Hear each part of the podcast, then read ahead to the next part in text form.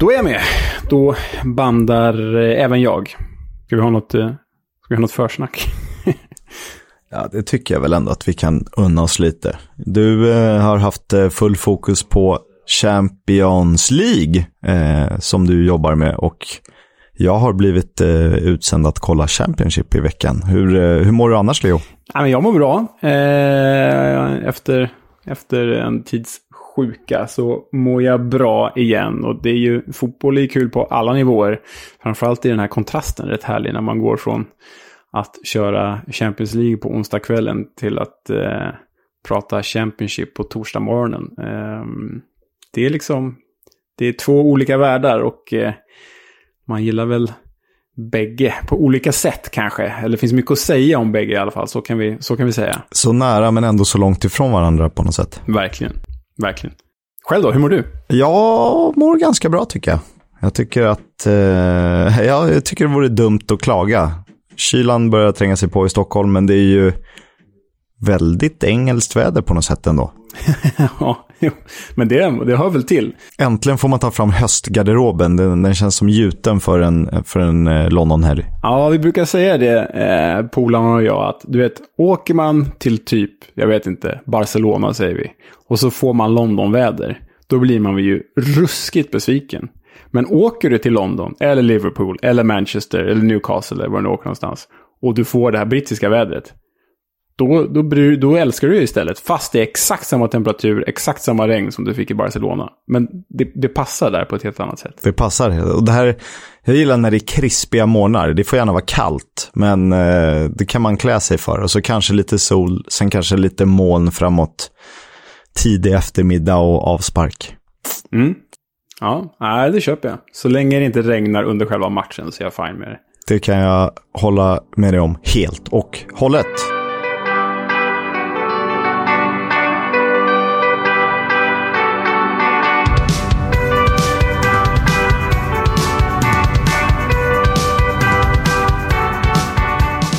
Du lyssnar på Footballs Coming Home, en podcast om Championship, League 1 och League 2. Jag heter Oskar Kisk och jag har alltid med mig vid min sida Ja, ska jag komma in och säga något här? Jo, jag är här.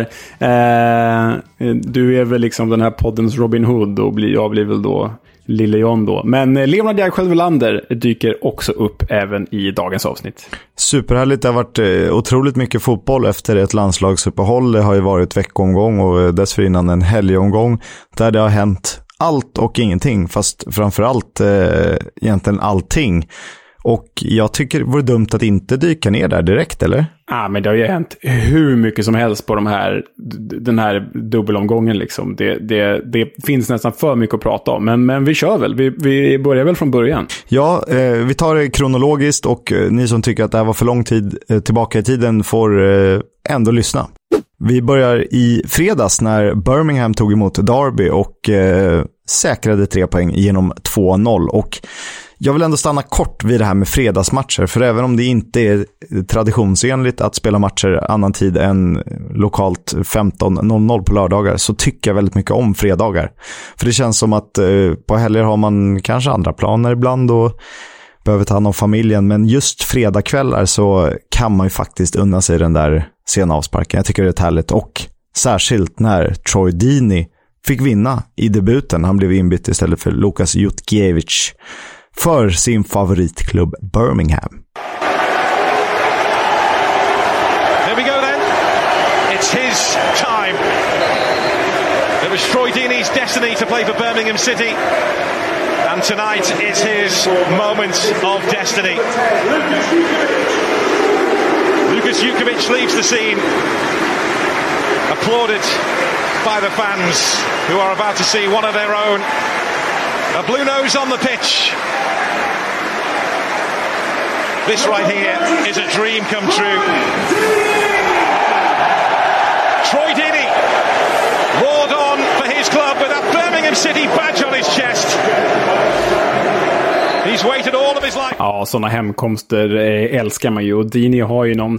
Han har ju verkligen en liksom brunkande Championship-aura över sig. Så att bara få se honom i, det där, i den blåa dressen, som i och för sig är ganska ful i år, men, men eh, det, det gör en glad. Det håller jag med om. Det gör det. Vi, vi traskar vidare ganska snabbt. Fulham utan Harry Wilson och Fabio, Fabio Carvalho tappade serieledningen i helgen tillfället eh, sedan Blackpool vunnit hemma på Bloomfield Road. Såg du matchen?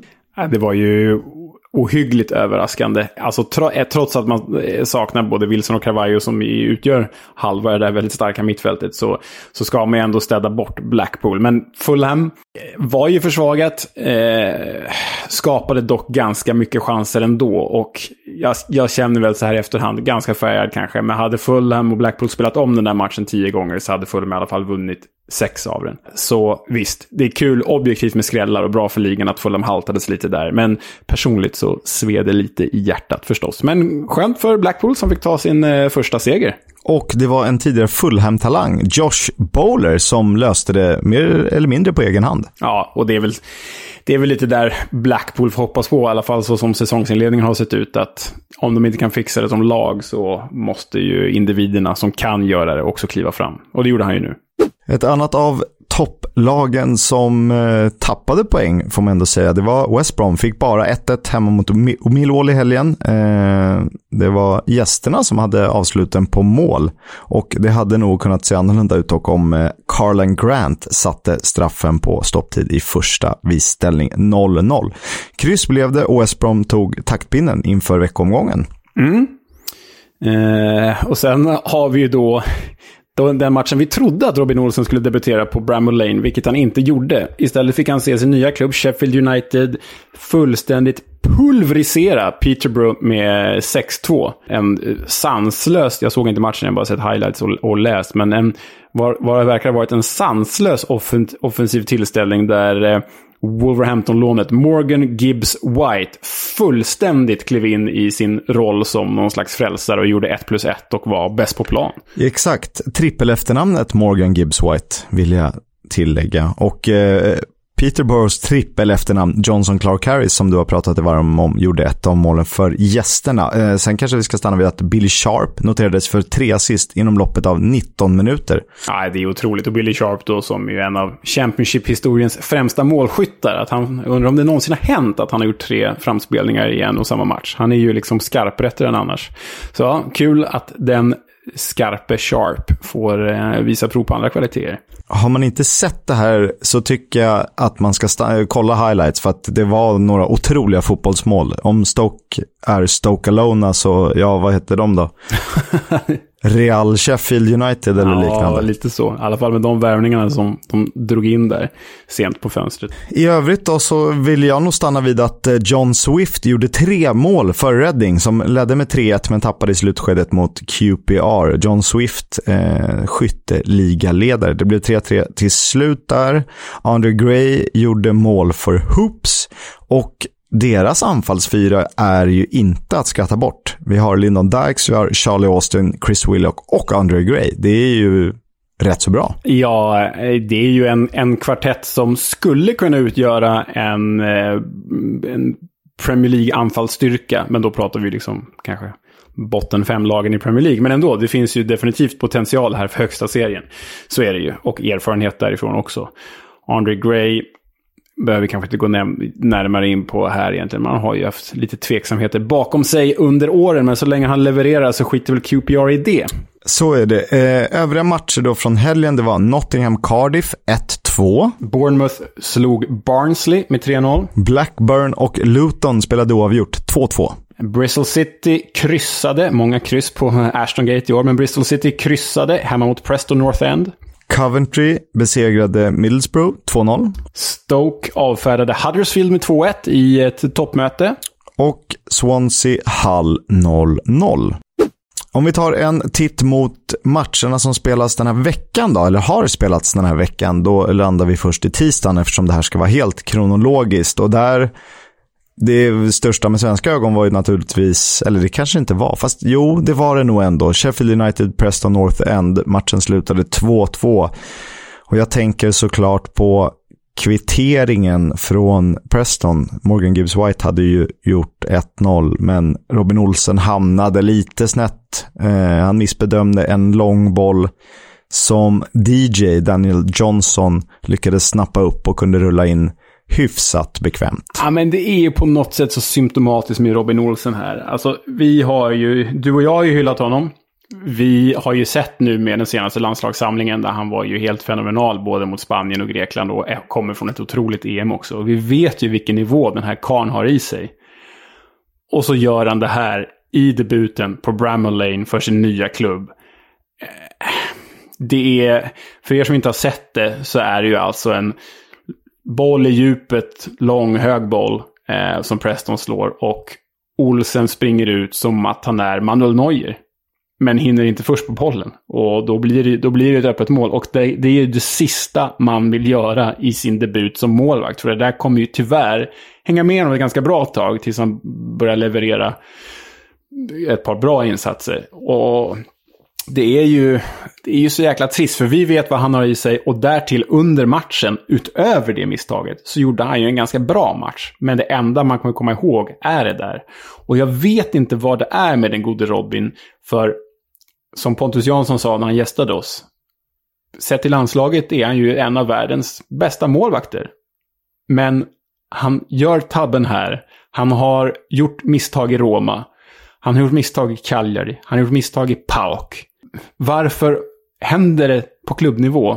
Och varför lyckas han hålla det borta på landslagsnivå? Det undrar jag. Och det ställer nog sig Sheffield United-supportrarna eh, också frågande till. Ja, det var, jag tycker att det är snarare en missbedömning än en jättetavla. Men eh, det blir ju en Rembrandt per definition när eh, någon till, tillåts göra mål så pass enkelt. Eh, och det, ja, det är lite oflyt i ämbetet kan man väl säga. Det som var, det ska man inte säga att det är roligt, men lite komiskt ändå att eh, folk valde att jämföra honom med Lee Baxter, som faktiskt gjorde ett framträdande för Blades. Det tycker jag är lite, det har någonting. Ja, det har någonting. Eh, absolut. Sen är ju Robin Olsen ett, eh, många nivåer över Lee Baxter i den där eh, så välkända kryddhyllan. Men eh, vi tror ju på Robin ändå och tror väl på Sheffield ändå. Eh, vad jag förstod av den här matchen så hade ju, och vad jag sett från den här matchen, så hade ju Sheffield chanser för att vinna en andra raka 6-2-match. Eh, men Iversen i Preston-målet storspelade och de var väl inte lika effektiva den här gången. Men får de bara blir de effektiva framåt och håller tätt bakåt så är jag övertygad om att vårt tips inför säsongen om att de skulle vara ett topplag kommer att uppfyllas. För spelet ser ju fint ut. Ja, och de förstärkningarna vittnar ju om att man har eh, material för någonting större. Och eh, två fall framåt spelmässigt och ja, det är 39 omgångar kvar. För, så det finns ganska gott om poäng att plocka för fina Blades. Verkligen. Tisdagens tv-sända match var ju Bournemouth mot QPR. Jag antar att du satt i någon slags kontrollrum då. Eh, jag satt och tittade på den här matchen där eh, jag fastnade lite vid Jadon Anthony för Bournemouth. Han såg riktigt, riktigt eh, pigg ut. 1 plus 1 noterades han för i den matchen. Sen matchens lirare måste nästan ha varit Mark Travers eh, som gjorde ett gäng viktiga ingripanden i matchens slutskede. Eh, och på så sätt så kunde ju inte QPR kvittera. Egentligen var det konstigt att QPR släpptes in med det där 2-1 målet, men det kändes lite symptomatiskt för den typen av matchbild och de två lagen. Ja, alltså det man kan säga om Jaden Anthony som har funnits i mitt fantasy-lag in och ut den här säsongen eh, är ju eh, vilket otroligt genombrott vi ser här. Det här är ju definitivt en blivande eh, Premier League-spelare och kanske en landslagsspelare i vardande.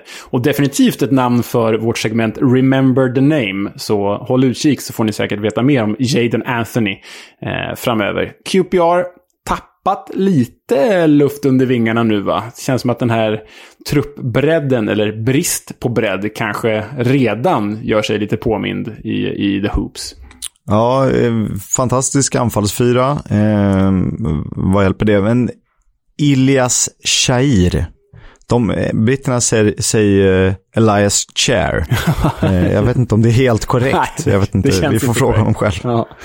Det känns inte heller korrekt, men eh, så säger kommentatorn i alla fall. Eh, han är så här, jag vet inte vad ska jämföra honom med typ lite Hossam Aiesh, eh, även om det inte är samma position nödvändigtvis. Men det händer grejer kring dem hela tiden och säkra med bollen, skickliga i vändningarna, kan skapa. Men det är någonting som saknas, den här, den här sista eh, nyckelpassningen eller det superfina inlägget och kunna göra det i fart. Utan det händer väldigt mycket, sen stannar upp och sen rinner ut lite i sanden. Tycker jag, av det jag har sett av Shahir. Nej, men verkligen. Om man ska göra en, en eh, QPR-referens eller en eh, QPR-jämförelse så tänker jag på Adel Tarat när han var som bäst, men utan att målen eller assisten sitter. Adel Tarabt, eh, som ju faktiskt kom fram i Tottenhams akademi och eh, gjorde, fick lite speltid där. Bland annat så skaffade han en frispark med pigga ben som Dimitar Berbatov slog in borta mot West Ham i en match som Paul Stalteri av alla människor avgjorde. Helt sanslös match. Kanske den bästa jag sett Tottenham göra. Nu ska vi inte prata Tottenham, men ändå. Ja, och de som känner dig vet ju att Paul Stalteri ligger dig nära om hjärtat. I övrigt i toppen då så West Brom, poängtapp igen, bara 0-0 hemma mot Derby. Och eh, jag vet inte om du håller med mig här Kisk, men jag testar tesen. Saknar The Baggies en striker? Saknar de en målskytt? Eh, både ja och nej. Eh, jag tycker ju att de har eh, kvalitet i Carlan Grant. Kanske inte den typen av kvalitet, så att där håller jag med dig. Men har du spelare som typ Diangana och liknande så krävs det också att andra spelare, nödvändigtvis bara anfallaren, gör mål. Men den här matchen, eh, nu var jag tvungen att kolla expected goals och make of it what you want. Men jag tror att det var typ 1,84 mot 0,14 eller liknande. Så att den här skulle West Brom ha vunnit eh, och det var inget snack om saken. Undrar hur länge Derby kan leva på de där siffrorna. Det känns som att de har så i varje match. Ja, men det är lite så. Eh, och det är såklart ett styrkebesked att plocka poäng utan att vara bra. Eh, det har vi sett andra lag kunna gå långt med i Europa. Men jag tror bara att det här var liksom en tillfällig målsvacka och att West Brom är att räkna med, för så pass bra är de. Verkligen. John Swift nämnde vi. Han gjorde mål igen. Och en assist. Nu har han 7 plus 3 totalt. Ja, och det är ju då i det här ytterst färglösa Reading som jag brukar tycka. Det finns liksom ingenting att hänga upp ens en gnutta livsglädje på där. Men John Swift gör att liket lever och att till och med undertecknaren tycker att Reading är lite roliga för tillfället. Så eh, hatten av John Swift, 10 poäng hittills. Jag tänkte precis säga att eh, John Swift sätter färg på Reading och det var väl ungefär eh, den kontentan vi kunde dra av det, lilla dialogen. Ja, verkligen. En annan person som vi pratar väldigt, väldigt mycket om i den här podden, han heter Ben Burton Diaz och han gjorde återigen mål för Blackburn. Nästan så att jag börjar bli trött på det och säga det. Ja, nej men det är ju... Eh, att de ändå eh, kunde tappa så, så eh, viktiga eh, pjäser inför säsongen, framförallt Adam Armstrong då, som gick till Southampton, och ändå lyckas behålla Ben Baryton Diaz som i sin relativa ensamhet där uppe i Rovers eh, frontlinje gör mål på mål på mål. Det, det bådar gott. Och han kommer ju inte vara kvar där längre än den här säsongen, känns det som. Den Stoke-födde chilenske landslagsmannen. Jag tittar ju på, på den matchen med lite Hall-ögon också och Hall har ju med skadorna och sina frånvarande spelare som börjar bli längre och längre så ser det ganska mörkt ut efter den annars så trevliga premiäromgången för The Tigers. Så är det. Vi pratade ju om Bielsas kärlek till Carlos Corberan. De jobbade ju tidigare ihop eh, i eh, Leeds. Och nu har han fått lite tid på sig, den gode Corberan. Och helt plötsligt får vi prata om Huddersfield som lite av en toppkandidat. Ja, nej, jag, jag ser inte hur... Eh... Huddersfield, förutom eventuellt eh, avsaknad av bredd i truppen, men annars ser inte jag hur Huddersfield ska misslyckas med att vara ett topplag. De spelar ju kanske inte den mest effektiva fotbollen. Men eh, Marco Silva får ursäkta. Eh, och Stoke får ursäkta också. Och Cooper får ursäkta. Men det är nog faske mig den roligaste fotbollen Championship har att bjuda på för tillfället.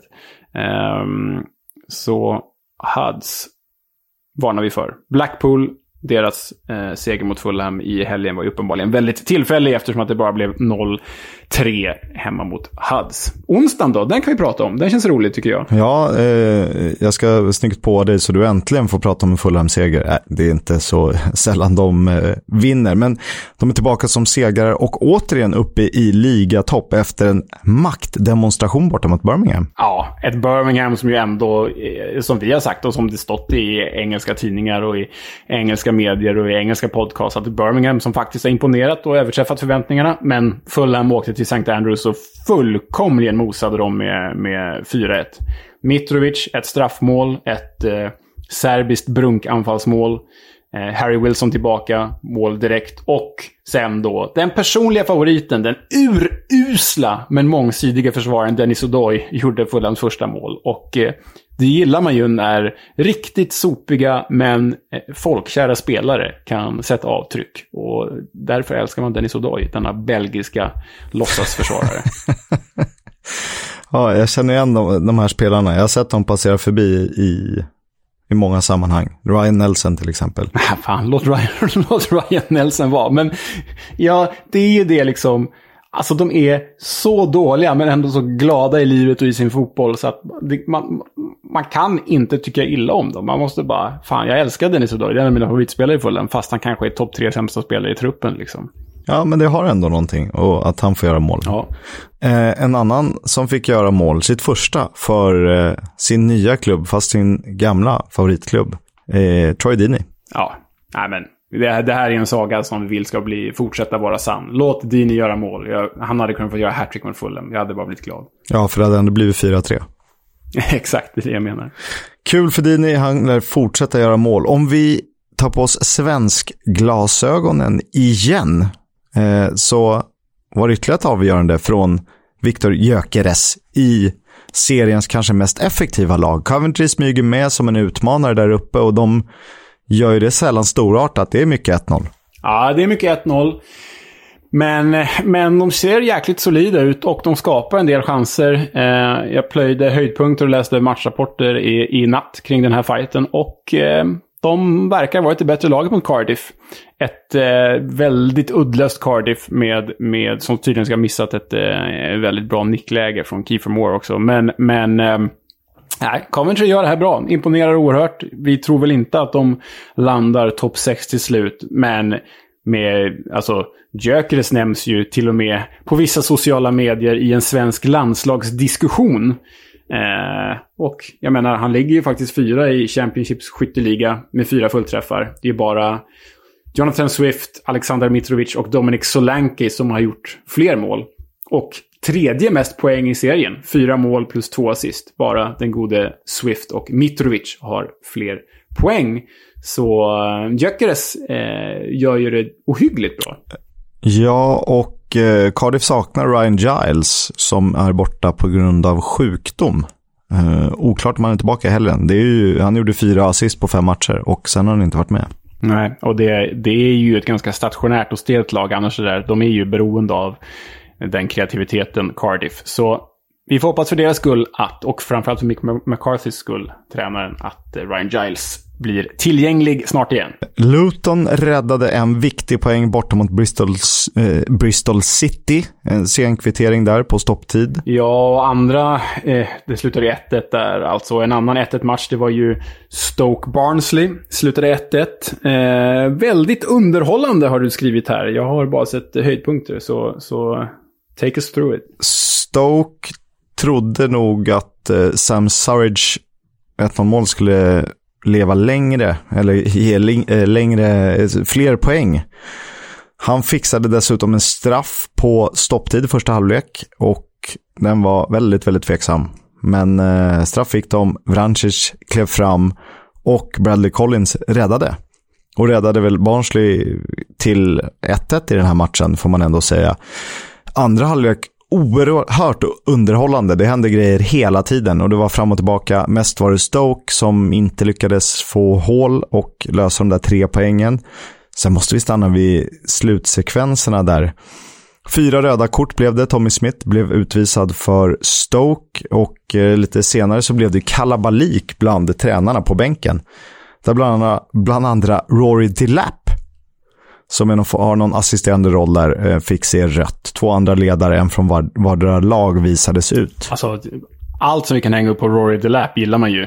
Om ni som kommer ihåg honom, den långt inkastande spelaren i Premier League. Han var väl både i Stoke och Southampton.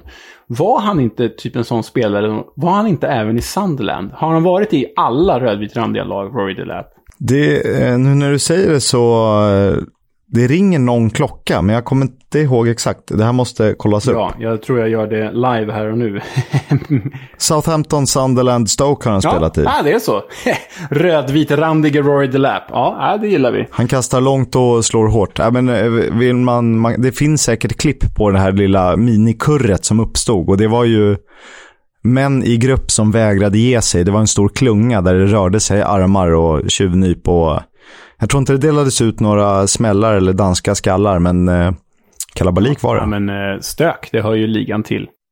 I övrigt, Swansea Millwall 0-0. Inte jättemycket att ta oss med därifrån va? Och Nottingham Middlesbrough 0-2. Ja, det här tycker jag vi ska prata lite mer om, just det här resultatet och dess konsekvenser i, när vi går vidare i programmet. Have you not been watching? I haven't! Nottingham Forest Middlesbrough 0-2 innebär att eh, Chris Hewton lämnar jobbet som huvudtränare för Nottingham Forest och eh, andra har ju nämnts och ligger ganska högt på i liksom bland favoriter när det nämns odds och en av dem är ju John Terry, men han har tillbakavisat uppgifterna. Ja, han släppte ju faktiskt en väldigt, för att vara John Terry, eh, passionerad och empatisk Insta-story där han skrev att eh, jag har eh, nämnts, kopplats ihop med, med Nottingham Forest-jobbet och det vill jag ta direkt avstånd ifrån. Chris Hewton och jag är vänner och Chris Hewton är en väldigt kompetent tränare.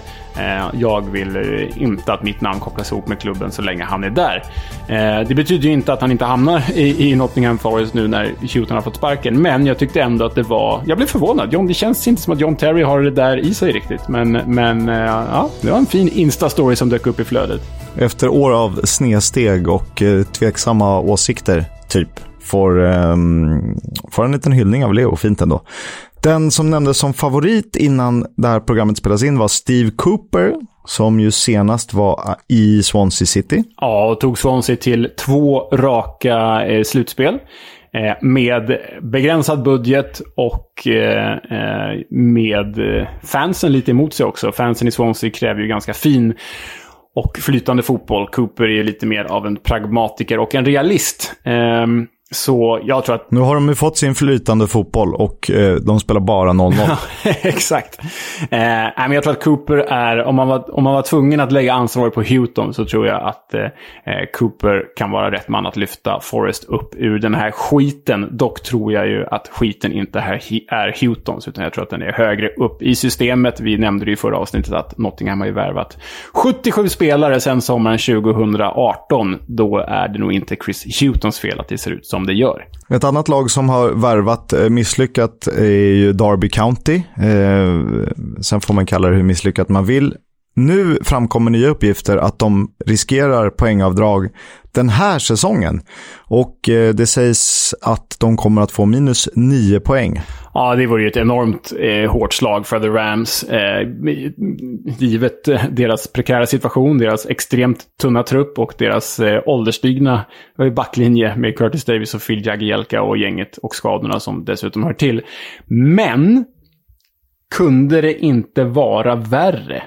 Eh, alltså nio poäng. Jag tror faktiskt att Darby skulle kunna, så som det sett ut hittills, sett till resultaten, att visst, nio poäng är ju ett fruktansvärt hårt slag, men ändå ett slag som de skulle kunna klara och överleva.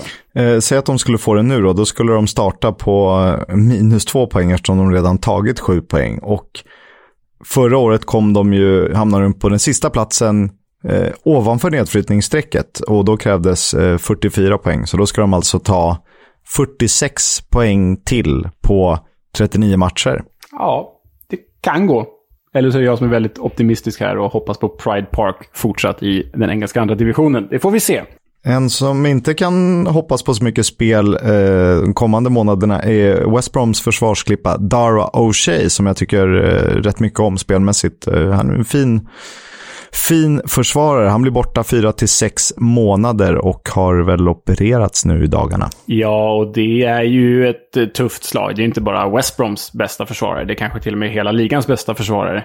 Inte lika spektakulär som Aiden Flint eller som eh, vår eh, kompis där i QPR. Rob Dickey.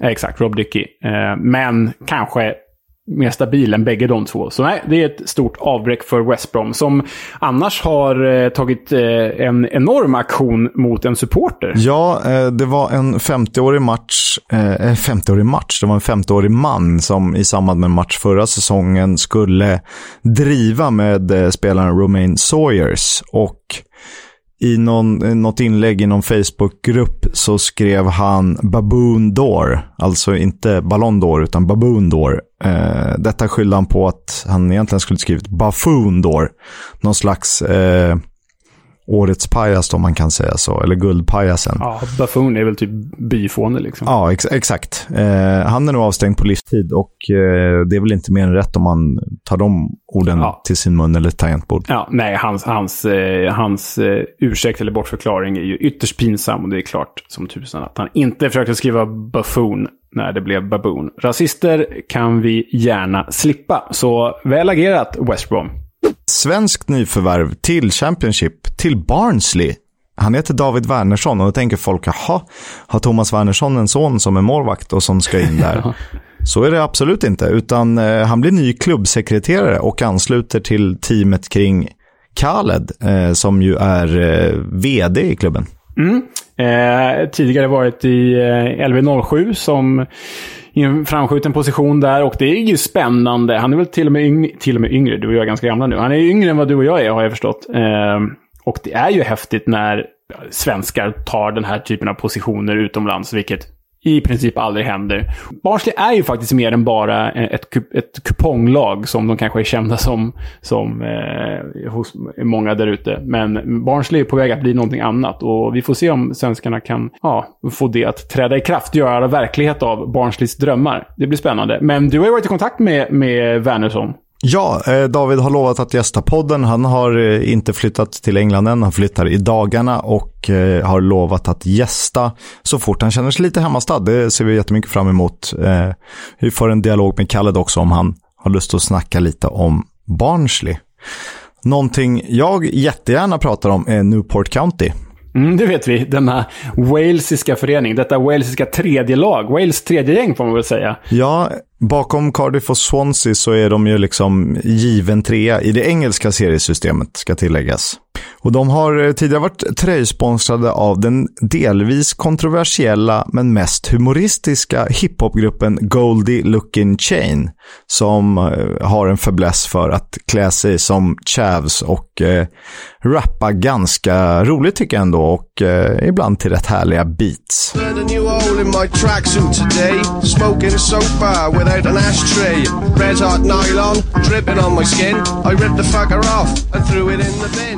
Nu har man släppt en kollektion tillsammans, eller en tredje tröja egentligen, för den riktigt nördiga fotbollskultur och modeintressenten, alltså typ eh, bara jag i hela Sverige.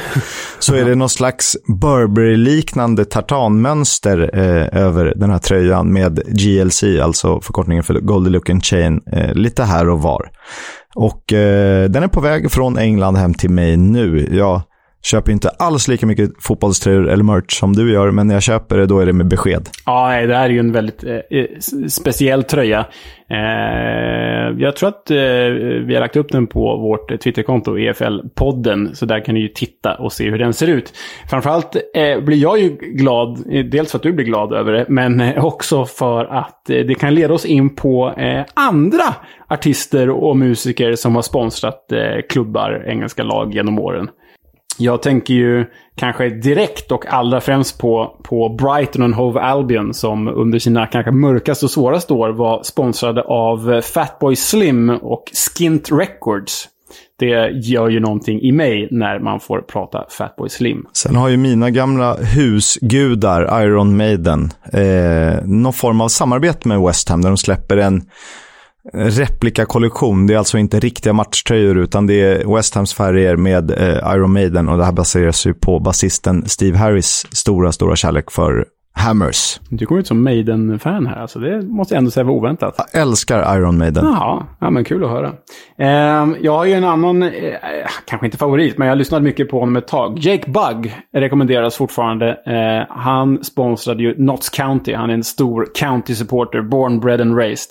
Eh, så hans namn syntes ju på Notts County-tröjorna förut. Och Ed Sheeran syns på Ipswich hemsida va? Han har väl fått, till och med fått ett tröjnummer, är det inte så? Ja, precis. Och sponsrar ju dem den här säsongen, Ed Sheeran.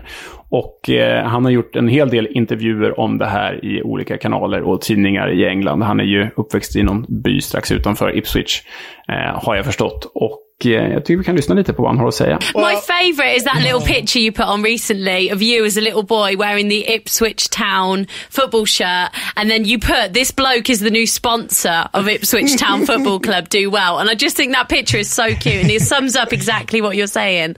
Like you Yeah. never know as a kid sat there on the little bench in your football shirt that what's going to happen. Uh, there's basically my uh, first football team that I played for, Framlingham Town FC. They contacted me saying, "Would you sponsor the girls under 11 team and buy their kit?" So I did that, and then I got to thinking. Oh, I wonder if Ipswich ever would need a sponsor. They were currently sponsored by a betting club that the fans weren't like overly keen on, but Yeah. still it was like it was like a good revenue stream for the for the club.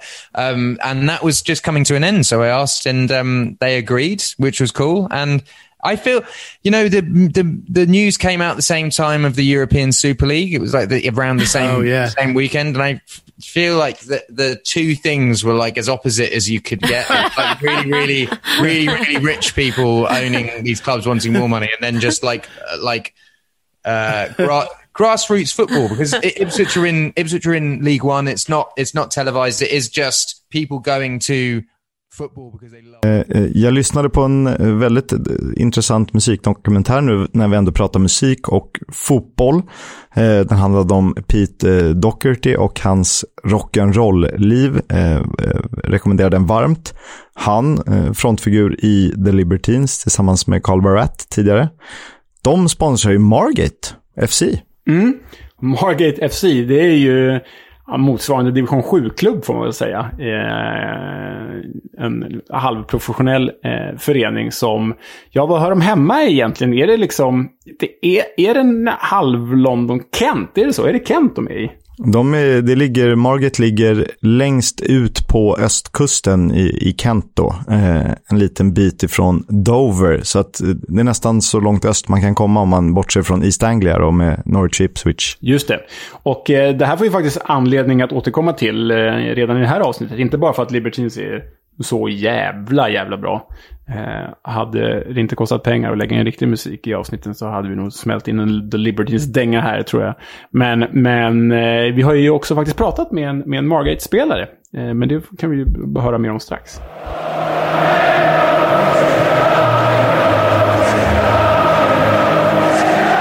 Footballs Coming Home sponsras av Stryktipset, ett spel från Svenska Spel, Sport och Casino. För dig över 18 år. Stödlinjen.se. Äntligen är det helgfotboll på tapeten och min höjdpunkt på eh, den här Stryktipskupongen är Luton mot Swansea. Som vi pratade om i den här podden inför säsongen är The Hatters lite av en utmanare strax bakom de givna topplagen. Och de har väl motsvarat förväntningarna med 9 poäng på sju matcher. Ligger i mitten av tabellen. Samtidigt Swansea, som tog in possession-älskande Russell Martin inför säsongen, har inte riktigt eh, levt upp till vad man trodde att de skulle kunna uträtta. Trots näst högst bollinnehav, blott 6 poäng på sju matcher. Och ser man till förväntade poäng har de faktiskt till och med överpresterat. Jag tror eh, mer om Swansea, men jag är tveksam till att det vänder här. Riktigt, riktigt tuff match på favoritarenan Kenilworth Road.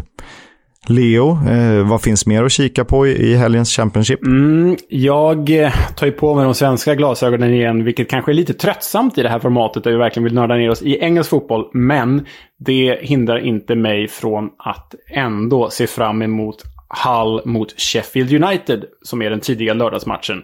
Dels för att ja, men, jag vurmar ju lite för Hall, som jag redan erkänt i, någon, i något annat avsnitt. Men också för att man vill se om Robin Olsen får förtroendet igen och om han kan göra eh, bättre ifrån sig den här gången. Det är inte bara viktigt för honom, det är viktigt för The Blades, det är viktigt för vårt tips och det är viktigt för det svenska landslaget som man ändå känner någonting för.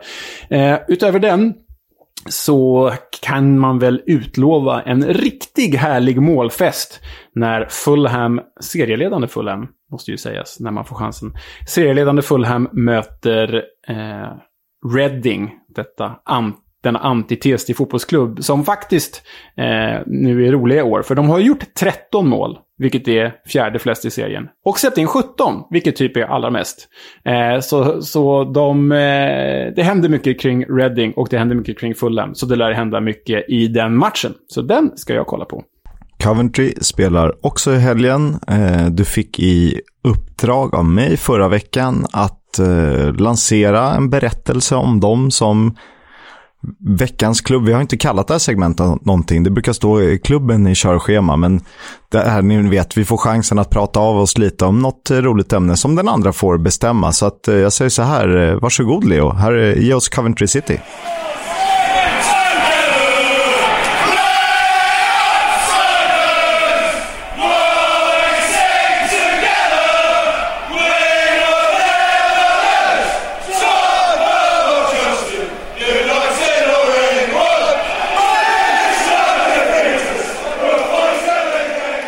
Mm. Det vi hörde där var eh, Coventrys eh, Anthem, eller temalåt, eller klubbhymn.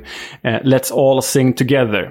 Lite härlig, lite gammalmodig, lite töntigare version av You'll Never Walk Alone. Om man nu vill det. Eller kanske lite mer äkta. Det får ni avgöra själva. Men eh, vi hade ju nyss de svenska glasögonen på oss och som svensk går det inte att börja en berättelse om Coventry utan att prata om just svenskarna som har varit där och spelat där och faktiskt satt avtryck. Men innan vi går in på dem i detalj så kör jag quizfrågan redan här och nu, direkt. Oskar, och även våra kära lyssnare. Vet du hur många svenskar som har spelat i Coventry? Och vilka? Eh, jag skulle gissa på att det är ungefär tre, fyra stycken och det blir lite eh, fusk så jag tycker att ni andra får tänka lite. Eh, om ni har svaret medan ni lyssnar så får ni väl twittra till oss så ska vi se om vi får berömma er. Eh, men jag ser ju körschemat och även om jag inte har försökt blunda kring det här segmentet så har jag ju sett vilka spelare det är. Men jag säger tre, fyra stycken. Men jag tror inte att du har sett alla. Jag har utlämnat tre namn med flit, tror jag. Mhm. Eh, Viktor Gyökeres vet jag ju en. Mm. Jag tror att du kan droppa de två mest självklara också. Eh, Roland Nilsson och Magnus Hedman. Mm. Då har du satt tre. Då finns det... Jag var inte beredd på en fråga här. Du, eh, du har tagit mig på sängen. ja, jag tog bort frågan ur köret. Ja, hur många tror du är kvar och vilka är det i så fall? Eh, jag tror, nu när du ställer frågan så, så tror jag att det är två kvar. Eh, men eh, det står helt stilla. Jag får känna mig besegrad den här veckan. Ja, men en tror jag att du tar. En var ändå ytterback i landslaget kring sekelskiftet. Millennieskiftet. Nej, jag är helt, eh, idag är jag helt lost. Okej, okay. då kör vi Thomas Antonelius. Han hette Thomas Gustafsson då. Viktigt att poängtera. Han hette Thomas Gustafsson då. Exakt. Bra koll. Så du har satt tre. Gyökeres, Roland Nilsson, Magnus Hedman, Brände Antonelius, eller Thomas Gustafsson som han hette då. Och sen faktiskt två till. Martin Lorentzon. Eh, ytterback han också va? Spelade i AIK. Han gjorde ett par matcher för Coventry under deras mörka, mörka år här på 2000-talet. Och även den gamle HIF-aren, Hammarbyaren och Landskrona Boysaren Andreas Dahl var ju i Coventry och ja, var ungdomsproffs där innan han flyttade tillbaka till Sverige. De två hade jag inte tagit. Eh, Antonelius hade jag kanske kunnat göra med lite, om jag hade tänkt efter ordentligt. För han jobbar ju nu mer på Nike och eh, har sett till att eh, Coventry, BP och AIK, tre av hans tidigare klubbar, har det är ganska gott ställt med, med tröjförsäljning och liknande. Eller det är inte bara ekonomiska utan de tillåts göra schysst merch. Ja, bra. Kul info. Um, och jag tänker att vi går lite djupare in på, på Coventry genom svenskarna. Och eh, vi börjar med Roland Nilsson. Ni vet gamla högerbacken i landslaget, HIF, IFK Göteborg, Sheffield Wednesday. Mest känd eh, i England för sin tid i Sheffield Wednesday. Men han spelade i Coventry mellan 1997 och 1999 och mellan 2001 och 2002. Gjorde 69 matcher för Coventry. Eh, och trots att han då var störst i Sheffield, Blåvitt och HIF är han fortfarande ett aktat namn i Coventry-kretsar. Eh, detta trots att han då flyttade dit 34 år gammal. Och tre år före flytten till Coventry så hade han bestämt sig för att flytta hem och avsluta karriären i HIF. Men då, 34 år gammal, så ringde hans gamla Wednesday-tränare Trevor Francis honom. Ringde från Coventry och sa Kom hit Rolle, nu måste du spela för mig. Och då gjorde han det. Så han körde två säsonger i Premier League. Coventry låg ju i Premier League i slutet av 90-talet. Eh, och eh, första säsongen var ganska succéartad. Rolle nämndes som liksom, en av ja, Coventrys bättre ytterbackar under hela Premier League-eran faktiskt. Och de slutade på elfte respektive femtonde plats. Eh, men när Rolle flyttade hem till Skåne igen, 99, för att spela Champions League med HF, så började det gå ut för, för Coventry. De degraderades 2001 och Rolle kallades faktiskt tillbaka, då som spelande tränare, för att faktiskt ersätta sin tidigare lagkamrat Gordon Strachan. Men eh, trots att det inledningsvis gick bra nere i den engelska andra divisionen så eh, lyckades Roland Nilsson inte ta upp Coventry igen och ersattes i sin tur av en annan lagkamrat, Gary McAllister. Det är ganska tunga namn redan här, eller hur? Eller hur, Chris? Det är det. Gary Macca. Ja, verkligen. Men eh, trots de här turerna fram och tillbaka och spelande tränare, vilket är lite märkligt, så nämns faktiskt Rolle idag som en av klubbens bästa ytterbackar i, under Premier League-eran. Så liksom söker man på Coventrys bästa lag genom tiderna eh, så, så hittar man flera sidor och forum där Rolle nämns tillsammans med med spelare som Gary Breen, Gary McAllister, Mustafa Hadji, Yusuf Shippo, Robbie Keane, Darren Huckerby och Dion Dublin. Mustafa Hadji pratar vi ju alldeles för lite om överlag. Jaha, detta bortglömda och underskattade geni till marockan, får man ju säga. Men Rolle satte ju verkligen avtryck och en annan som satte avtryck, det var faktiskt Magnus Hedman. Ni vet vår gamla landslagsmålvakt. Han spelade fem år i Coventry, 97 till 2002. 134 matcher. Men han anslöt eh, till Coventry 1997 från AIK. Så hade han en eh, ganska tuff uppgift. Han skulle nämligen konkurrera med Coventrys mesta spelare någonsin, alltså den som gjort flest matcher. Målvakten Steve Ogrisovic gjorde nämligen 601 matcher för Coventry. Eh, och eh, tillbringade 33 raka säsonger i Coventry som både spelare och ledare. Men Hedman lyckades konkurrera ut honom och eh, gjorde sig faktiskt ett namn i Premier League. Barnby doesn't need the delay. Magnus Hedman has got to go back onto his line. Could be one of the key moments in Everton history.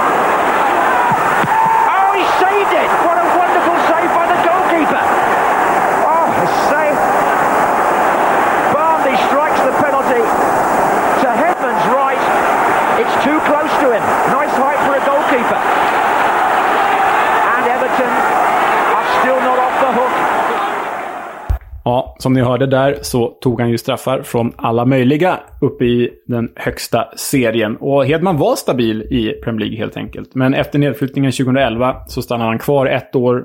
Då gick det sämre. Han konkurrerades ut av Chris Kirkland, den blivande landslags och Liverpool-målvakten, innan han flyttade till Celtic. Men där har vi liksom svenskarna, de stora svenskarna, lite sammanfattade i Coventry innan vi går in på Coventrys sejour i Premier League då. För det var ju där både Rolle och Hedman var eh, tillsammans med Coventry. Och eh, det var en väldigt lång sejour. Coventry spelade i högsta serien mellan 1967 och 2001. Det är alltså 34 raka säsonger i högsta serien. Och det är de enda 34 säsongerna som, som klubben spelat i högsta serien. De kom dock aldrig bättre än sjätte plats. Det var 1970. Och hamnade oftast på den undre halvan. Bara 9 av 34 säsonger hamnade de på den övre halvan av tabellen. Men när de åkte ur Premier League då 2001 var det faktiskt bara Liverpool, Everton och Arsenal som hade fler raka säsonger i högsta serien. Det är ändå imponerande. Ja, det är verkligen imponerande. Eh, hur gick det sen då? Ja, nej men sen gick det åt helvete. Men vi kommer till det. Eh, om vi stannar kvar i det historiska så är ju deras framgångar väldigt lätträknade. De har bara en titel och det är fa Cup-segern från 1987. Och då slog de förstås Tottenham, med 3-2 efter ett självmål av Gary Mabbott. Och det är den enda trofén i prisskåpet. And it's almost up with Tottenham. Hodge on the far side, making a mighty. Hoddle turning it in again. Brizovic, safe and sure. And Coventry are going to win the FA Cup. The final whistle, they've done it. The scenes of joy that we saw at Hillsborough in the semi-final. It's Brian Kilcline gets the cup from Her Royal Highness, the Duchess of Kent. It's taken 104... Och en av de stora hjältarna då i 80-talets Coventry, det var Cyril Regis. Och eh, honom kommer vi få väldigt stor anledning att prata om när vi djupdyker i West Bromwich. Men där kan vi snacka en spelare av vikt för den engelska fotbollen. Men vår generation, vi mitten, sena 80-talister, vi minns nog mest Dion Dublins 62 fullträffar i Premier League. Vad känner du för Dion Dublin, Oskar? Eh, jag såg eh, honom i något sammanhang i helgen. Jag vet inte om det visades gamla highlights. Eller om det var eh, någon annan spelare som pratade med honom i någon sån här paussnack, du vet, som, som Premier League brukar ha. Just det. Ja, men det är ändå ett, det är ett namn man kommer ihåg från, från uppväxten. Mm. Verkligen, och då kanske framförallt eh, målet där han lurar skjortan av en ung tjej, Given i Newcastle. Given plockar ju ner ett inlägg. Eh, och så eh, lyfter alla spelare ur straffområdet medan Given håller bollen i händerna. Och så slänger han ner bollen på marken. Och då kommer Dion Dublin bakifrån, för han har liksom varit bakom målet.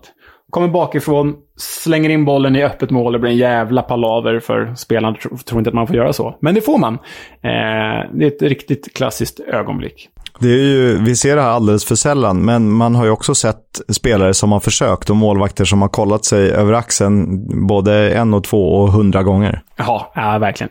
Alltså det klippet är så bra så att vi måste köra det. Dublin's there. He's uh, well taken though by Shea Given. What's doing? Dublin comes back on and turns it into the net. Oh my word! And it's 1-0 Coventry City, surely.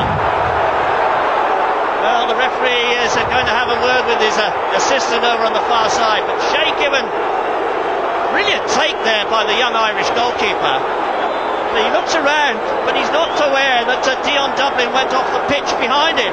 Dublin comes back on and says, thank you very much, and turns it into the net, and I'm sure that goal will stand. And it does.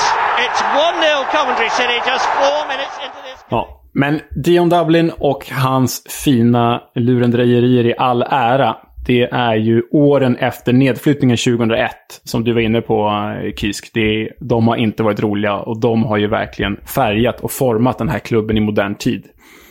För än så länge har Coventry inte lyckats återvända till högsta serien. Men det är inte bara det som varit ett lidande, utan de har också blivit en slags eh, nomadklubb. En klubb som flera säsonger varit utan hem, utan arena och tvingats spela på annan ort. Och det är ju ja, men förjävliga förutsättningar både för klubb och för spelare och för supportrar. Ehm, och det här kom ju sig då av att eh, nedflyttningen 2001 följdes av flera misslyckade försök att ta sig tillbaka till Premier League. Och det i kombination med flytten till Rico Arena, eh, som, som arenan, den nya arenan då i Coventry heter, efter 106 år på Highfield Road. Den flytten kostade mer än vad det smakade. Eh, de hade ju tänkt sig en enorm arena, modernt, monstruöst skepp som skulle liksom göra England redo för eh, VM-ansökan 2006. Men det gick i stöpet, för England fick ju inte VM och eh, Coventry började blöda pengar. Så arenaplanen ritades om, arenan behövde göras mindre än vad de hade tänkt från början och detta ledde till att Coventry nästan gick i konkurs. Klubben räddades 2007 med 20 minuter kvar till deadline. 20 minuter kvar till deadline så klev hedgefonden Sisu Capital Limited in och tog över klubben. Och det var ju glädje då, för klubben gick inte i konkurs. Men det man inte visste då, eller det supportrarna inte visste då, det var att Sisu Capital Limited skulle bli riktigt jävliga ägare att ha att göra med. För riskkapitalisterna Sisu, de har nämligen drivit klubben sedan dess, sedan 2007, som ett samvetslöst företag och inte som en fotbollsklubb och absolut inte som en fotbollsklubb med koppling till sina supportrar. Snarare tvärtom. Och jag tänkte att vi tar det lite kronologiskt här med årtal. Får vi se om, om eh, eh, ni hänger med. Men 2012 degraderades klubben till League One för första gången på 48 år. 2013 så sätter Sisu klubben i administration och flyttar därmed ut all personal från Rico Arena. Eh, således eh, flyttar ju då alltså hela klubben Coventry från sin moderna arena, som inte är deras längre eftersom att den såldes av. Så flyttar de till Northampton och Sixfields Stadium. Det är alltså 56 kilometer därifrån. Dråpligt och hårt slag. Vad hade du gjort, eh, Oskar, om din lokala klubb hade flyttat, ja, vad blir det, fem mil någon annanstans? Nej, den är, det, det är tufft. Här vet man inte hur man ska agera. Det är ju diskussionen om eh, Wimbledon och MK Dons. Det är inte riktigt samma sak eftersom det där blev en ny klubb. Men här blir det ju någonting. Det är någon som har tagit över ett eh, skalet liksom. Medan själen någonstans är kvar utan, eh, utan innebörd. Exakt. Och de spelade då i Northampton i ett år, 56 kilometer bort, eh, innan de hyrde in sig på Rico Arena igen. Alltså de fick hyra in sig på sin gamla arena eftersom att de inte ägde den längre. 2016, tre år efter detta, så är klubben alltjämt kvar i League One. Men relationen mellan ägare och supportrar är så pass, så pass infekterad att supportrarna protesterar på gator och torg och över 20 000 personer skriver på protestlistor mot, eh, mot ägarna. Till och med The FA uttalar sig och säger att det är en väldigt tragisk situation för en annars fin klubb. 2017 så når Coventry Wembley för första gången på 30 år i och med finalen i The EFL Trophy. Det är ju alltså en ja, men, eh, en turnering för, för klubbarna eh, under The Championship. Visst är det så? Är det inte under Premier League? Eller är Championship kan... inte med? Jag tror inte Championship. Jag vet i alla fall att den heter eh, Papa Johns Trophy numera. Exakt. Eh, men även om de tar sig till finalen där så åker de ur League One och ner i fjärde divisionen för första gången sedan 1959. De går dock direkt upp ur League 2, ett år i fjärde divisionen alltså. Eh, 2018 gör de det. Och 2019 så är det dags igen för att bli en nomadklubb. För då kommer ägarna inte överens med, med de som hyr ut Rico Arena. Så hyreskont ett hyreskontrakt skrivs aldrig. Och Coventry tvingas flytta eh, sina matcher till Birmingham istället. Och det är fan mer känsligt än att flytta till Northampton. För Birmingham är en rivalstad och Birmingham är en rivalklubb, för de spelar nämligen på Birminghams St. Andrews. Så det är inte bara det att de tvingas flytta, de tvingas flytta in hos fienden. Men trots pandemi, trots svag ekonomi, trots vidriga ägare, om man får säga så, och trots spel i fiendeland så vinner faktiskt Coventry League One 2020 och återvänder därmed till Championship efter en jäkla massa år utanför.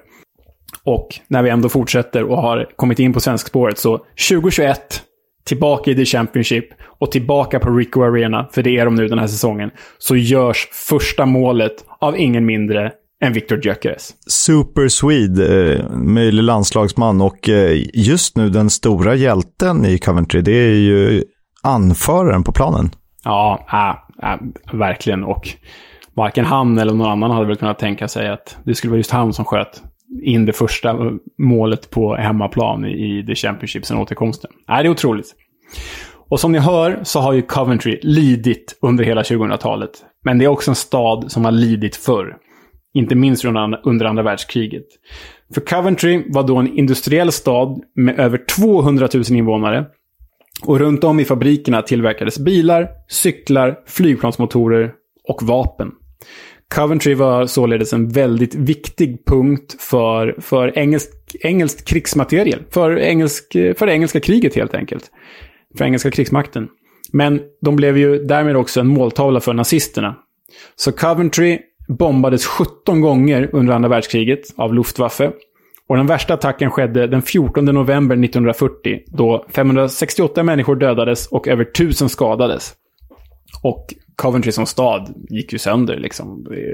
En fin gammal katedral som rämnades med marken och jämnades med marken. Och det finns lite rester kvar av den än idag. Men staden tvingades ju byggas upp igen och eh, folket går samman. Och därför ser vi faktiskt en fågel Fenix i klubbmärket idag.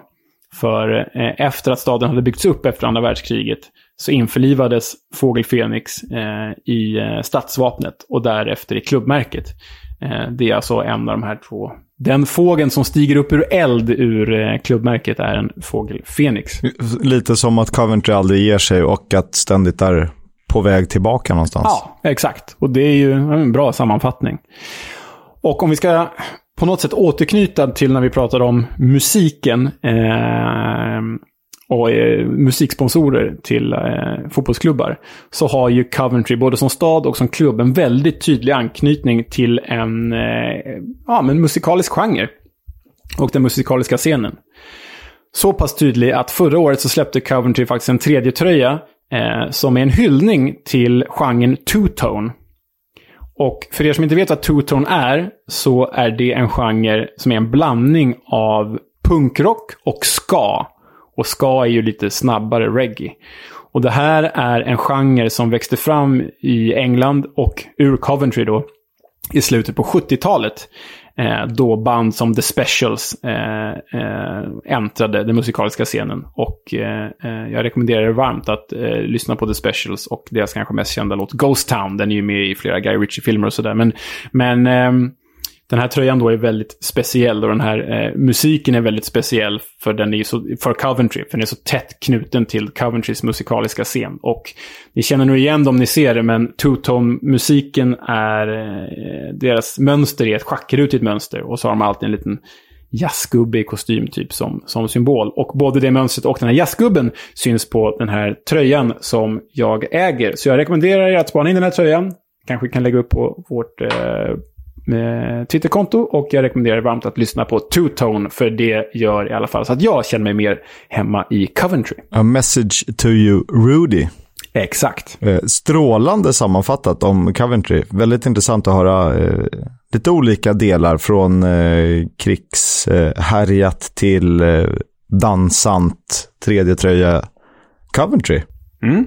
Och vi, jag tycker inte riktigt att vi släpper musikspåret än, för eh, som vi pratade om tidigare så hade vi en lovat ut en intervju. Vi hade utlovat en intervju med en spelare i Margate, alltså The Libertines sponsrade Margate FC på sydöstra kusten i, ute i Kent där. Och eh, nu ska vi ta ett snack med Patrik Öman som, som står i Margate och se vad han säger om eh, sitt liv i England.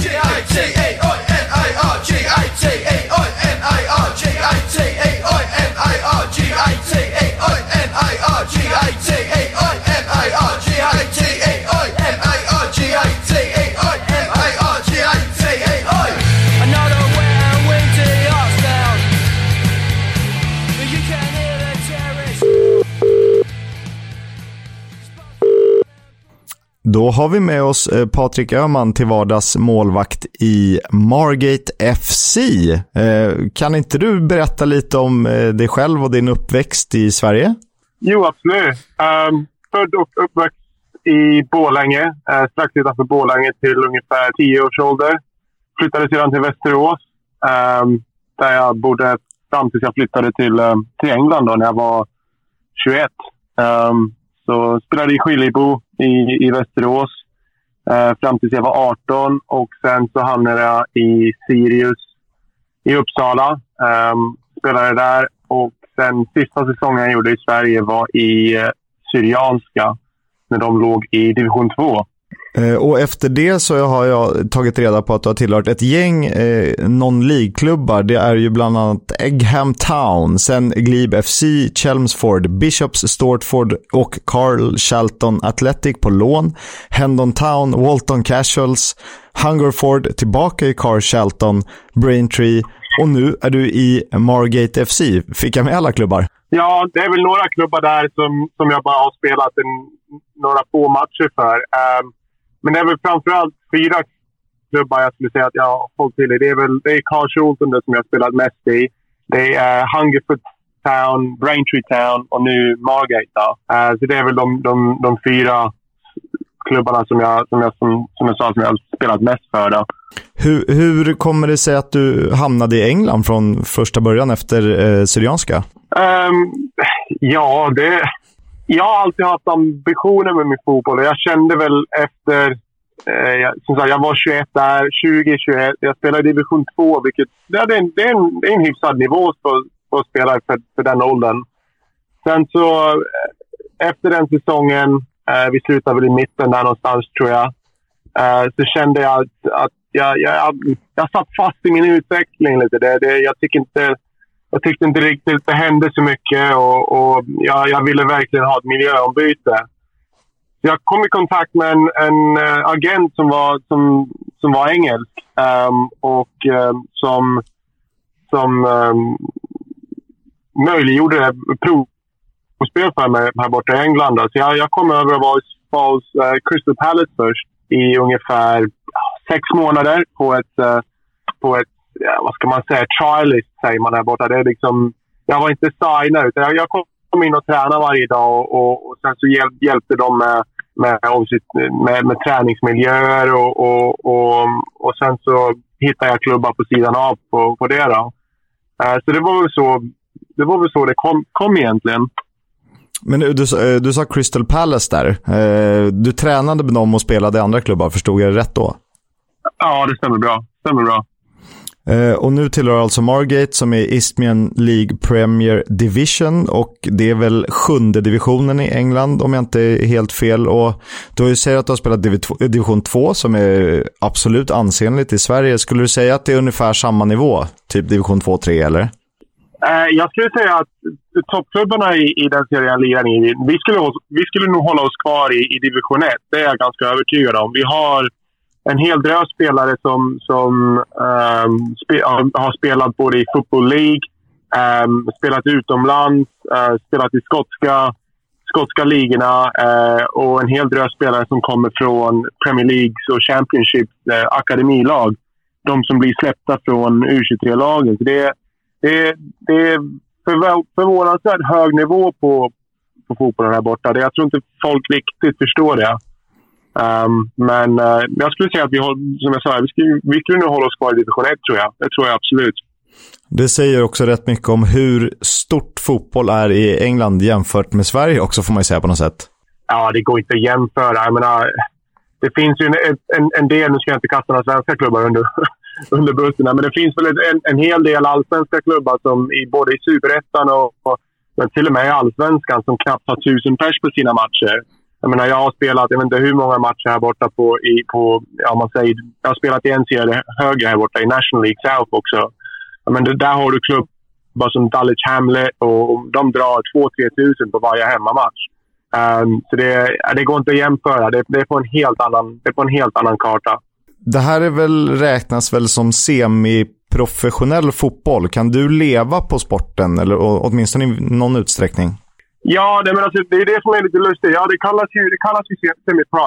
Det är precis det, är det det kallas. Det. Och det, eh, det börjar väl bli så att den nivån över eh, är en hel del lag nu som till och med satsar att de, de går in full time, vilket betyder att det, de, de är heltidsproffs. De, de tränar liksom precis som, som vilket annat eh, proffslag skulle göra. Uh, men eh, du har en hel del klubbar i, i um, den ligan jag spelar i nu som betalar fruktansvärt stora löner. Eh, allt från, från 300-400 pund upp till 600-700 pund i veckan. Um, så mm, min, min del betalar, det betalar min hyra, det betalar eh, bil och, och, och, sånt där. Sen så extra knäcker jag på ett, eh, eller extra, jag jobbar på ett coachingföretag som specialiserar sig i målvaktsträning. Så det är någonting jag håller på mycket på sidan med, med coachning och speciellt målvaktsträning där eftersom jag är målvakt. Men då säger man ju, då måste man ju säga någonstans att du lever ju ändå din dröm. Ja, jo men på, på sätt och vis gör jag det. Jag menar, det, eh, jag vet inte, jag kan berätta det också. Jag menar, under, det har ju varit lite svårt nu precis med, med, eftersom med covid har hänt här, men under en tvåårsperiod så, så tränade jag heltid med West Ham. Jag, jag var jag var deras liksom, to-go-to när det kommer till träningsmålvakt. Så jag, jag var där med, med först och främst U23-laget under två år. Och sen under varje um, international break, när, när landslag, lands, efter varje landslagssamling, så menar, då, då hade ju målvakter som Joe Hart och, och de här grabbarna. De, de åkte iväg med sina landslag och då, då stod, då stod A-laget utan målvakter. Um, så då, under varje landslagsträning så tränade jag med, med A-laget också. Um, så det är ju... Eh, på sätt och vis gör jag det, men jag, jag vet inte riktigt vart jag vill vara än. Jag, jag jobbar mig sakta men säkert upp. Uh, men, ja, men absolut, på sätt och vis. Än är det inte jag. för sent att klättra i systemet, men det måste ju varit en otrolig upplevelse att få uh, ja, träna på den nivån blir det ändå. Ja, ja men herregud. Jag menar, det, menar West Ham, det, det, det är en gigantisk och stor fotbollsklubb. Och, och nivån är ju fruktansvärt under tiden jag tränade med dem som mest, men jag, jag, fick, jag, fick, jag fick träna med, med spelare alltså, som Joe Hart, um, Xavier Hernandez som var i United, Patrice Evra i slutet av hans karriär, Mark Noble, ehm, um, Marko Arnautovic, de här spelarna. Jag menar, det, är, det är ganska stora Premier League-spelare, så det var ju liksom bara försöka ta in så mycket som möjligt och, och, och, och bara lära. Se och lära. Eh, märkte man en, en tydlig nivåskillnad när du kom ner på lördagen sen och skulle spela med, eh, med ditt liksom vanliga gäng, om man säger? Ja, naturligtvis är det ju stor, stor skillnad. Det är det ju. Um, men som sagt, jag, det, jag tycker ändå att jag pressar på att självklart är det, det, det är en jättestor skillnad. Det är det ju. Men jag skulle säga från ungefär League 2, eller National League, League 2 National League, ner till våran serie. Det är inte, det är inte ett stort hopp. Men du har, det, det är där klubbarna, de här League 2-klubbarna, National League-klubbarna, de, de kan inte gå ut och köpa spelare liksom för, för, för flera tusen pund eller tiotusentals pund. Utan de hittar ju de här, de här spelarna som har kanske blivit släppta från ett U23-lag från Premier League eller Championship. Så har de gått ner några nivåer och så får de, har de fått en säsong under sig och gjort det bra, gjort många mål eller om de är försvarare eller vad som. Och, och sen så går de tillbaka in i ett League 2-lag eller National League. Så det, nivån är fortfarande den är, den är väldigt hög. Men självklart så var det ju det är fortfarande som natt och dag. Det går inte att jämföra. Uh, så är det ju naturligtvis. Häftigt ändå, eh, kontrasterna. Vad, om du, du nämnde några spelare som är välkända för de allra flesta. Vilka är de bästa du har spelat med eller mot eh, i England?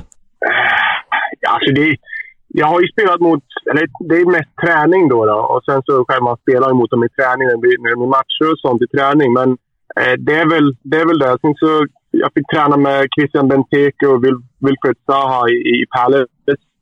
Um, det, var, det, var, det var ganska... Jag menar, det, det är tongivande spelare i sina, i, i sina klubblag. Um, och sen i, i West Ham där, jag menar, jag är stort Man eh, supporter. så jag menar, och få, få träna med spelare som Xavier Hernandez och Patrice, speciellt Patrice Evra som, som ja, om, om man inte var aktad som en av världens bästa vänsterbackar under en tid. Men det är, det är bara, som jag sa, det är bara att se och lära. Så det, det, de, de går ganska högt upp på listan, det, det gör det definitivt. Om Man tittar på Margate då. Eh, du nämnde tidigare att du har spelat eh, inför ett par tusen. Hur är det med, med support och rivalitet och, och sånt där? Jo, nej, men det, eh, Margate det är en klubb som är på, på uppgång igen. De har haft några svåra år. De åkte ur National League South här för, jag tror det var fyra, fem år sedan kanske, något sånt där. Eh, och sen efter det så har det, det har gått lite trögt för dem och, och, och så. Men nu så... Eh, de var på gång eh, när, när covid hände, men sen så som sagt, som vi alla vet, det, det hände. Alltså, det, det slog ju stopp på, på de här serierna. Eh, men eh, vi, vi har börjat, börjat serien väldigt starkt i år och jag skulle tippa på att vi har ungefär 600 på matcherna. Um, men för en fem sex år sedan så hade de, de hade lätt 2000 på sina matcher.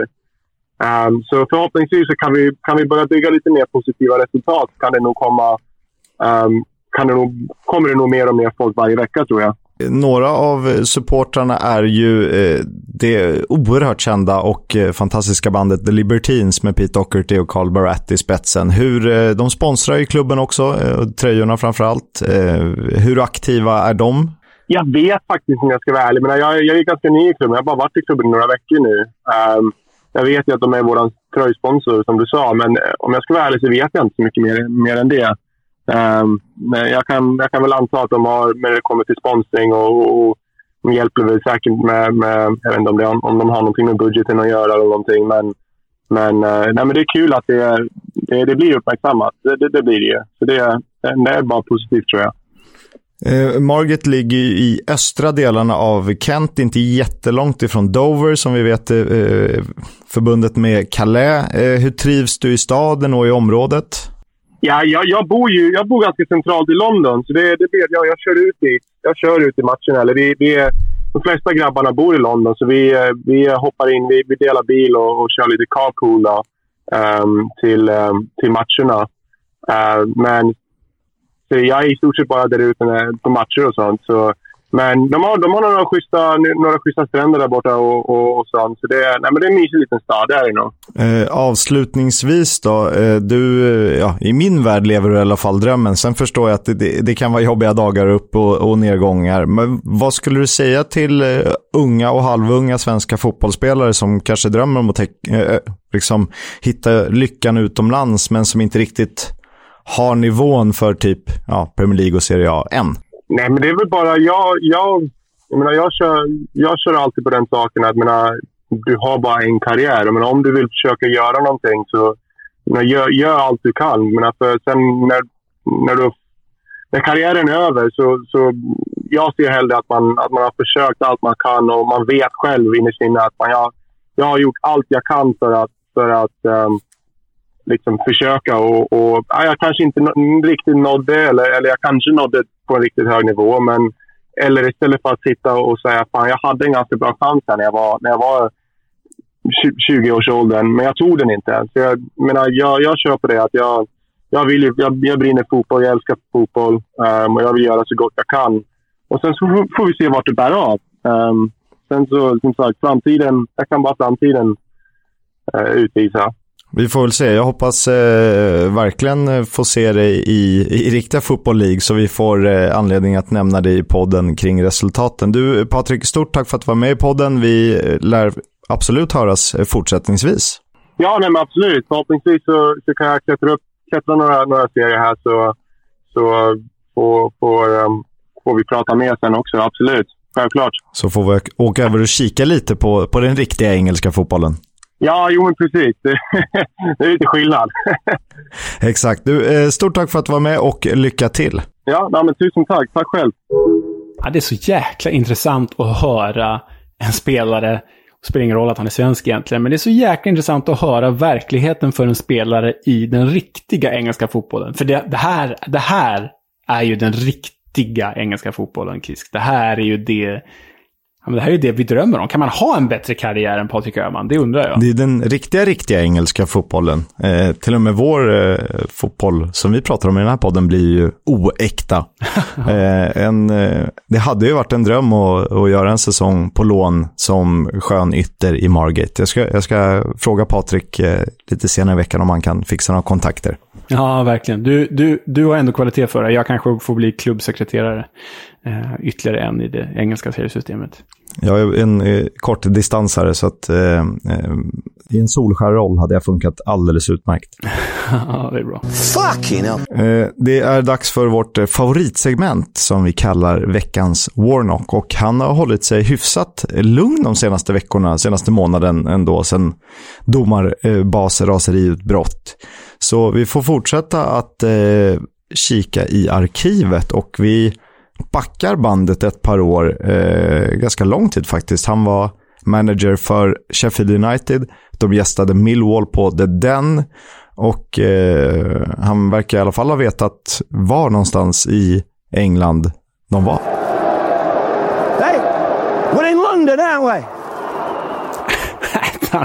alltså, när jag såg den här första gången tidigare idag, är, är, det, det är ju, han är ju speciell. Han Får, Sheffield United får ju alltså ett domslut mot sig och han blir så jäkla förbannad och menar att, att eh, eh, Millwall då har fördel av att det är ett Londonlag. Att domaren alltid dömer för Londonlagen.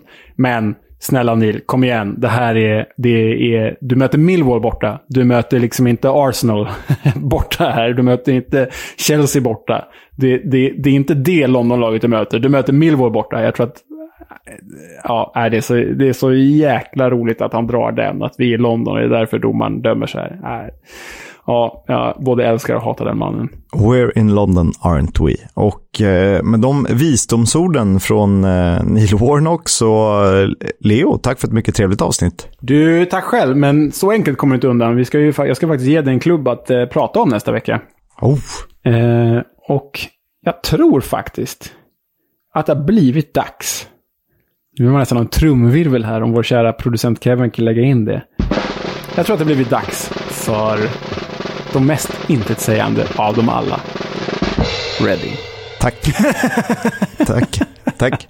Nej, eh, alla är roliga på sina egna sätt, för du hittar alltid sidospår som Steve Gibsons eh, nyckelknippa i Middlesbrough och eh, Fågel Fenix som reser sig ur askan i Coventry. Så att det är ju eh, det är roligt. Det är det här som vi brinner för, egentligen får man ju säga. Ja, men jag är, su- jag är sugen nu.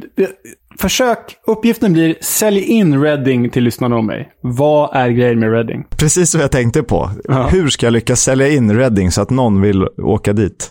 Exakt. Tack för att ni lyssnade. Tack till Stryktipset som är med och sponsrar den här podden och gör det möjligt för oss att prata om Championship League 1 och League 2. Vi hörs igen nästa vecka. Tills dess, eh, ha en trevlig helg. Hej då. upptäckta vägar de han tar. När det regnar kallt och ibland när kampen leder ända fram. Då ses vi på lördag